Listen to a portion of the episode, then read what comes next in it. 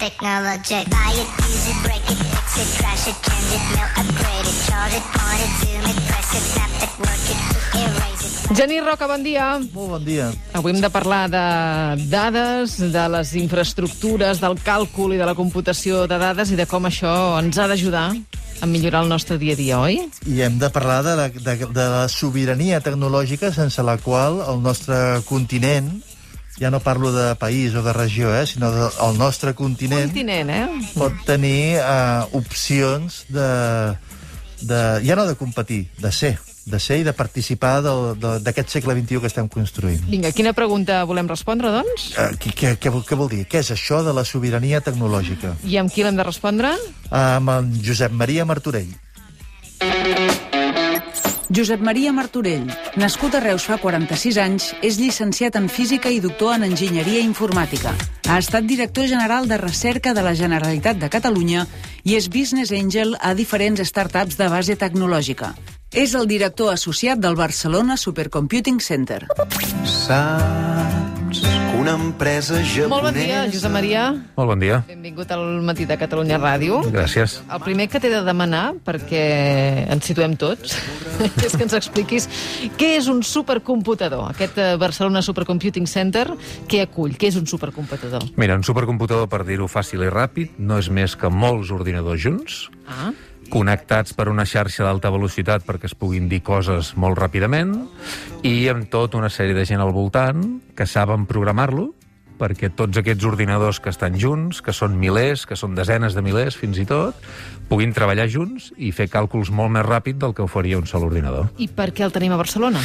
Bueno, aquesta és una molt bona pregunta. El tenia a Barcelona, jo diria, per la conjunció de dues coses. Una, perquè hi ha un individu que es diu Mateo Valero, que en aquesta cas l'ha tingut alguna vegada i que fa 30 anys va començar a investigar en computació paral·lela en aquest país, a la Politècnica, i dos, perquè hem tingut uns governs, unes administracions i una universitat que sempre ha apostat per això i que ens han permès avui ser un dels centres líders a Europa. I quanta gent hi treballeu ara mateix? Ara som, això varia gairebé cada dia, ara som uns 720. Home, déu nhi Sí, no, no està malament, no està malament. I de quins perfils? Doncs mira, és gent raonablement jove, la mitjana d'edat que tenim són uns 35 anys, eh, de tot tipus de carreres que et puguis imaginar, tenim físics, matemàtics, telecos, informàtica, biologia, de molts àmbits, eh, més o menys una tercera part gent vinguda de fora, i vaja, un ambient molt dinàmic i molt intens per poder fer ciència i generar coneixement, que és el que ens dediquem. I ara entrem a parlar de què es fa en aquest supercomputing, no, Genís? Perquè això, eh, tu, Josep Maria, eh, ets el, juntament amb el Mateo Valero, el Mateo Valero és el director científic, tu ets el director associat, uh -huh. eh, sou el, el tàndem, no?, uh -huh. eh, que tira endavant. El que, eh, això és un centre de recerca. I aquestes 700 persones que hi treballen teniu, res, una mínima capa d'administració, però bàsicament són perfils de tot el món que venen aquí a fer recerca i que estan especialitzats en amb tot el que et puguis imaginar que pot arribar a fer un ordinador. Des d'estudiar com seran els ordinadors del futur, fins a intentar ajudar a la medicina actual a fer millors tractaments a partir de les dades dels pacients, passant per investigació a llarg termini sobre l'evolució del clima, per exemple, o passant per camps de l'enginyeria, com és eh, la combustió, l'energia, la mobilitat. Gairebé totes les disciplines de la ciència avui estan fortament influenciades per lo que és la computació d'altes capacitats. És molt difícil avui en dia fer investigació de frontera a nivell mundial sense tenir en compte algoritmes, dades, intel·ligència artificial, computació, etc etc. i això és el que nosaltres ajudem. És a dir, eh, donat un problema, el que sigui, uh -huh. eh, per exemple, una pandèmia d'un virus mundial, no? Per exemple, per posar un no? exemple a l'atzar, eh, eh, aquests fenòmens eh, estan subjectes a múltiples variables. Uh -huh. A, a la temperatura ambiental, al nombre de població, a l'edat, si són asmàtics, si no són asmàtics, no sé. Eh, quan comences a imaginar totes les variables que poden participar de les decisions que s'han de prendre, el nombre de diagnosticats, el nombre de PCRs, el nombre de, eh, etc. Vas posant totes les variables. Resulta que quan vols extrapolar què podria passar la setmana que ve, has de posar a jugar totes aquestes variables i les seves possibles evolucions i arriba un punt que o tens un superordinador o això no ho fas bé. Necessites gent que en sàpiga molt de modelitzar aquests fenòmens i necessites grans infraestructures tecnològiques que els ajudin a calcular. Per exemple, eh, podem arribar a predir quants llits d'hospital faran falta d'aquí uns dies. Això és una cosa que ara potser no és tan important perquè anem més aviat de baixa, però en alguns moments molts durs de la pandèmia, o alguns hospitals a casa nostra, doncs ens han agraït molt que els hi poguessin predir a 3, 5, 7 dies quants llits farien falta en funció de les dades anteriors. No? O, per exemple, estem intentant eh, elaborar sistemes, això és molt més complex, que arribin a predir probabilitats de complicacions mèdiques en pacients recent ingressats. Uh, un sistema que et doni informació d'això, i mica en mica ja estem arribant, és tremendament valuós, perquè mai la decisió la pren un algoritme, sempre és el professional mèdic el que decideix què passa amb aquell pacient, etc etc. però tenir un sistema de suport a la decisió que en diem és tremendament útil per bona part d'aquests professionals. I, i quin, com es decideix quins projectes eh, poden fer servir aquest eh, supercomputador? Mira, l'ús del supercomputador, eh, això a vegades la gent li sorprèn una mica, eh, està obert a tots els investigadors europeus que vulguin, és gratuït el seu ús, això forma part de la política científica de computació, els set grans ordinadors europeus que actualment tenen l'accés gratuït, però hi ha un petit truc, i és que per accedir-hi has de competir, has de guanyar una competició. D'acord. Aleshores, cada 4 o 6 mesos, tots els centres europeus de supercomputació obrim la finestreta, obrim la competició, tots els científics i científiques d'Europa que tenen projectes presenten les seves propostes, hi ha uns comitès internacionals que ho avaluen, i els millors tenen garantit l'accés. Som com una agència de finançament de la recerca, però en lloc de donar diners, donem hores de càlcul, que també és una altra manera de donar diners.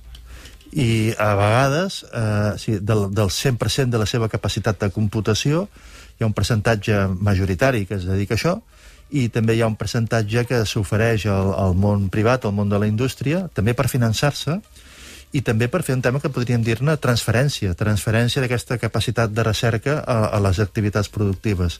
Per exemple, eh, eh, jo diria que eh, parlar amb en Josep Maria sempre és inquietant, perquè eh, és les, de les vegades que tinc la sensació de que parlo amb algú que té informació sobre el futur. Ah. No?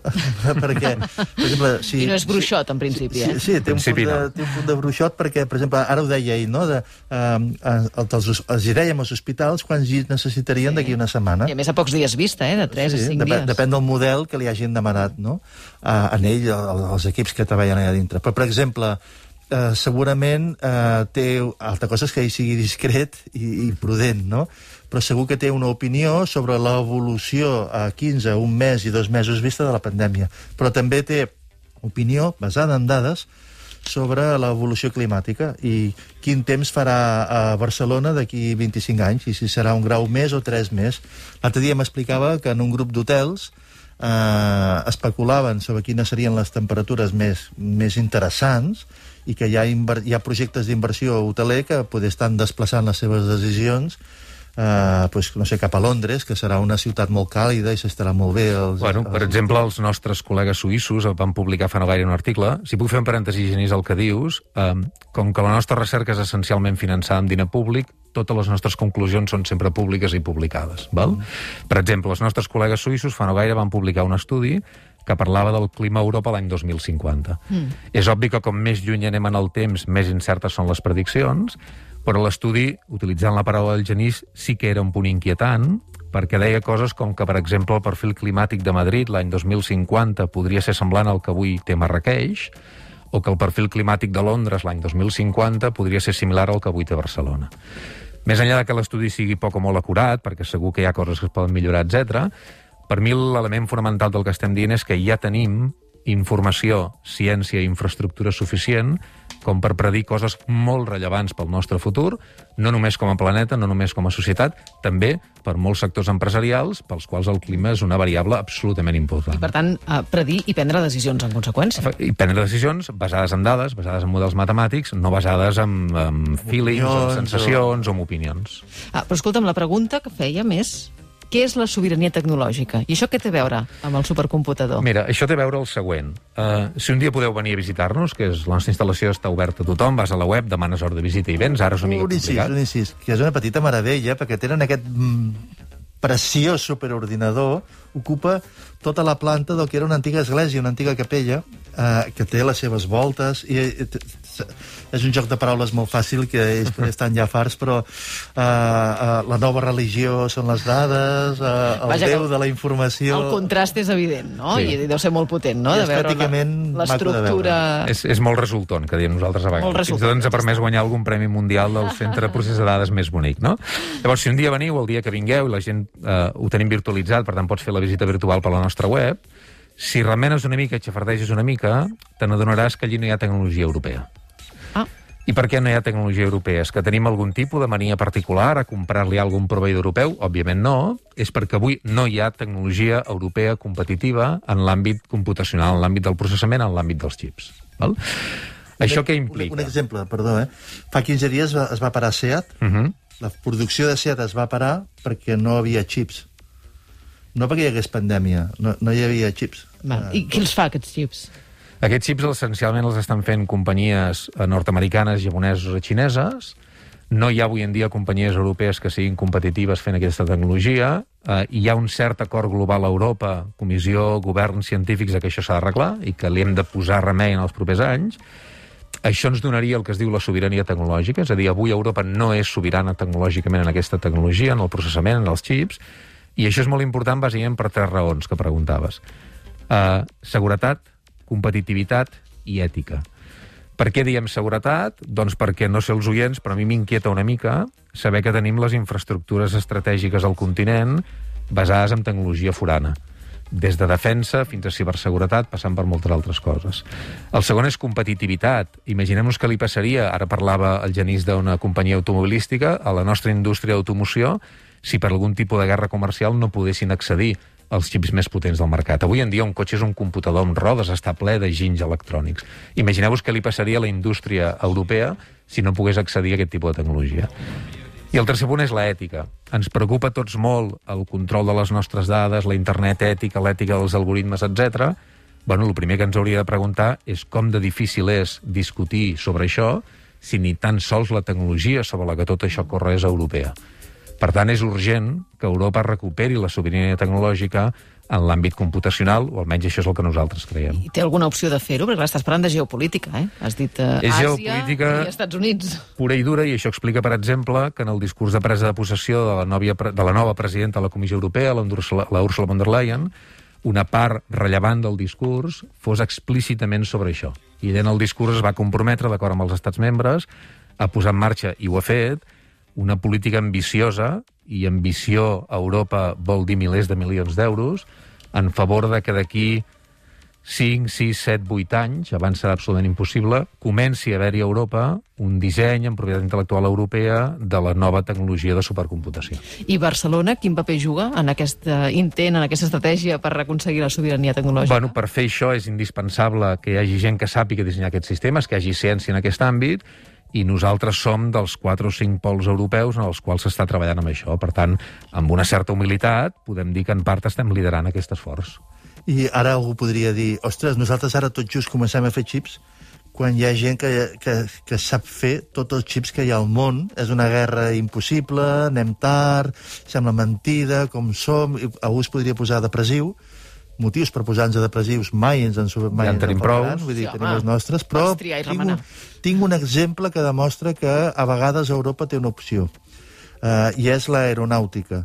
Uh, els avions del món eren Boeing, la indústria aeronàutica era americana amb un domini aclaparador, si més no Occident, i Europa va decidir que la indústria aeronàutica era estratègica i es va inventar una andròmina que es diu Airbus, que Airbus fan els cargols a l'ala esquerra els fan a Albacete, el, la cabina la fan a no sé on, l'hèlice de la pala del motor la fan a no sé on altra. Hi ha indústries espanyoles, franceses, italianes i de tota Europa fent cadascuna la seva peça, ho integren tot a Tolosa, fan uns avions que es diuen Airbus i ara, eh, uns pocs anys després, perquè això ha passat en 20-25 anys, Airbus competeix de tu a tu a, a, amb Boeing i segons com tu vulguis mirar, ha, ha superat a Boeing en, en molts trams de mercat. És, és que- exactament això. L'objectiu eh, que té Europa ara és fer un Airbus de la supercomputació. L'exemple és correcte, ens ha funcionat, eh, doncs per què no ho fem també amb aquesta tecnologia? Això de fer avions era tecnologia Sí, sí. complexa, era un mercat molt competitiu, eh, estaven sols els americans liderant, i mira, ara estem, estem en un altre paradigma, vull dir que podria ser... fa- Faríem quins xips... Eh, perquè tampoc ho podem fer tot ara. Tampoc podem fer els xips dels cotxes, els xips de la supercomputació, els xips dels telèfons, o, tot té xips. Eh, agafarem alguna especialitat en aquesta sobirania tecnològica o anem a per tot? No, jo crec que a nivell d'Europa es tenen un parell de coses clares. Una és, eh, s'ha de tenir oferta tecnològica en la part més alta de la cadena de valor, que és la supercomputació. O sigui, dins de les nostres màquines on hi ha aquells xips més avançats de tots, aquí s'ha de liderar, aquí no pots dependre de tecnologia forana, i l'altre gran camp on s'ha de treballar és el que en diem els acceleradors, que és sobretot els tipus de xips que van molt bé per intel·ligència artificial. És una de les grans revolucions que venen també en el hardware, i al final, quan vulguem tenir cotxes connectats, cotxes autònoms, etc, a dins haurem de tenir xips que sàpiguen córrer algoritmes d'intel·ligència artificial amb una, amb una gran capacitat. I jo diria que, sobretot, ens orientem en aquests dos camps. I tu ets optimista? Sí, no només perquè, com deia Churchill, el contrari tampoc serveix de res, sinó perquè jo crec... No, ara ho dic seriosament. Jo no sé si mai havia vist tant alineament entre Comissió Europea, governs diversos i variats i comunitat científica en què això toca fer-ho. I com que, a més a més, tenim capacitat científica per fer-ho, hem de tenir paciència. La, dec la, la ciència es mou en dècades, no en mesos, però jo crec que si puguem tenir una conversa com aquesta d'aquí uns quants anys, eh, tindrem realitats sobre la taula tangibles que podrem tocar. Jo crec que sí. Per tant, posar-hi la banya i no deixar-ho anar, eh? No hi ha més solució. No deixar-ho estar. Bueno, estem camí del segle XXI, no? El segle XXI esperem no havia, que sigui... No havia començat ja el segle XXI, en què quedem? Bueno, el, el, el, el calendari sí, però aquí estàvem badant tots a la Diagonal, fèiem, eh, ja saps que això era... Els, havien donat eh, pròrrogues addicionals, eh, allò que es diu, prorroguem el pressupost. Aquí havíem prorrogat el segle durant 20 anys, estem ja al segle XXI, serà un segle de sobirania tecnològica, serà un segle on Europa vol jugar un paper i ens juguem les quartos amb capacitats tecnològiques i a casa nostra tenim el Barcelona Supercomputing Center, que és una de les infraestructures de referència. I com que jo crec, si em permeteu com últim comentari, que de vegades al segle XXI l'hem començat a fuetejant-nos i dient que malament que va tot i que malament que van les coses i que som un desastre, doncs no. També tenim casos, exemples i àmbits en els quals, amb tota la humilitat del món, liderem Europa i és gràcies a la col·laboració de moltíssima gent, començant pels nostres governs, que molt sovint els critiquem, però que de tant en tant també hem de reconèixer que ho fan, i que ho fan bé, i s'ha de dir. Doncs vinga, queda fet aquest missatge positiu, clar que sí. Josep Maria Martorell, moltíssimes gràcies per haver-nos acompanyat Vosaltres. i per haver-nos convidat, que ho has fet, eh? A anar Absolutament. al, a visitar el super, aquest supercomputador de, de Barcelona. t'acompanyo. Gràcies, doncs, eh, Genís, fins la propera. Fins ara. Vinga, que vagi molt bé. Publicitat i seguim.